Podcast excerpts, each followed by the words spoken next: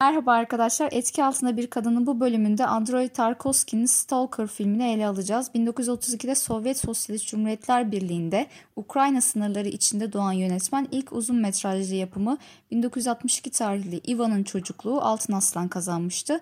7 yıl sonra çektiği ikinci filmi Andrei Rublev 2 yıl boyunca Sovyet yetkililerce yasaklı yapımlar arasında yer aldı. Film Cannes'da ödül almaması için kasıtlı olarak festivalin son günü sabah saat 4'te gösterilmesine rağmen bir ödül kazanmayı başarmıştı.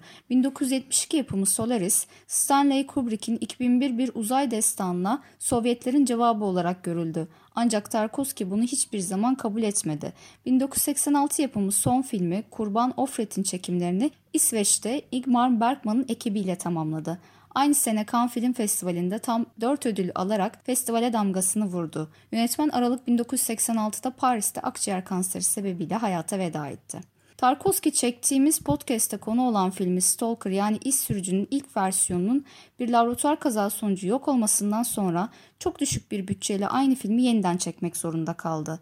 İz Sürücü Tarkovski sinemasının belirgin özelliklerinden olan uzun planlar, şiirsel ve sembolik dil, felsefi derinlik içeren diyalogların kullanıldığı benim de en sevdiğim filmi. Şiirsel sinemanın öncülerinden olan Tarkovski, filmlerinde babası Arseni Tarkovski'nin şiirlerinden faydalanır. Tarkovski şiire verdiği önemi şu sözlerle açıklar. Şiir benim açımdan bir dünya görüşü, hakikatle olan ilişkimin özel bir biçimidir. Bu açıdan bakıldığında şiir, insanlara bütün hayatı boyunca eşlik eden bir felsefedir.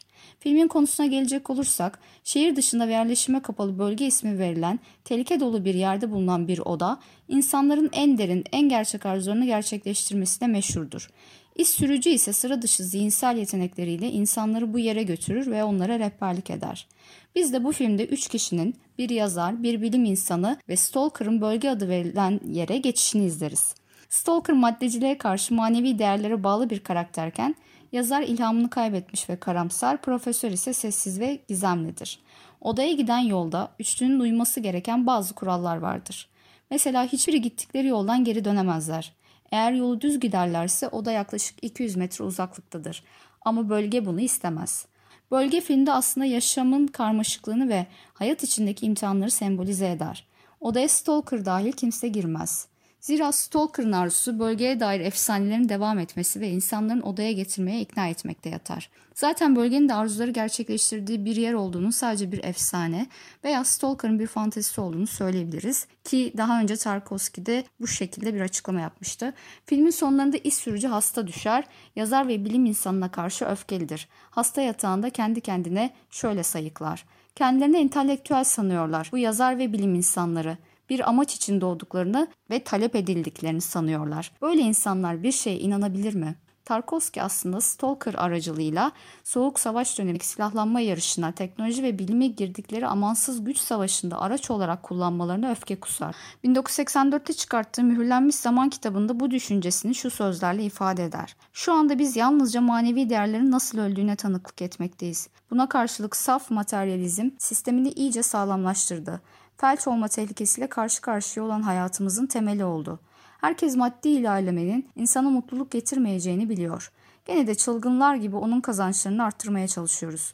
Bu konuda o kadar ilerledik ki Stalker'da da belirttiği gibi içinde yaşadığımız zaman aslında gelecekle çakışıyor. Yani şimdiki zamanın içinde yakın gelecekte meydana gelecek önüne geçilmez bir felaketin bütün ön koşulları mevcut. Hepimiz bunu hissediyor, gene de bunu durduramıyoruz. Film Stalker'ın mutant çocuğunu masanın üzerindeki 3 bardağı zihin gücüyle hareket ettirmesiyle son bulur. Bardaklardan birinin içinde sanıyorum şarap var. İçinde nesneler bulunan bir kavanoz, bir de büyük ama boş bir bardak var. Bu üç nesne bölgeye yolculuk yapan Stalker, yazar ve bilim insanı simgeliyor. Bu sahneden üçünün de birer birer hayata ve kendilerine dair inançlarını kaybettikleri sonucunu çıkartabiliriz. Tutundukları bir anlam, bir neden, inanç kalmadığı için boşlukta düşerler. Yürüyemeyen kız çocuğu, Stalker'ın çocuğu ise derinden arzuladığı hareket kabiliyetine inançla ve düşünce gücüyle erişir. Yani bunun için aslında bölgeye ihtiyaç yok der yönetmen. Kısacası mutluluk içimizde. Yani Tarkovski aslında mutluluğun var olduğuna inanmaz fakat iyiliğe, güzelliğe doğru yol alacaksak eğer bunun inançla mümkün olabileceğini söyler. Yayını Tarkovski'nin filmine dair bir sözüyle bitirelim. Stalker'da dünyamızın umutsuzluğu üzerine yapılan kuru akıl yürütmelere karşı başarıyla direnecek olan mucizenin insan sevgisi olduğunu açıkça ve kesin bir biçimde dile getiriyorum. Görüşmek üzere. Hoşçakalın.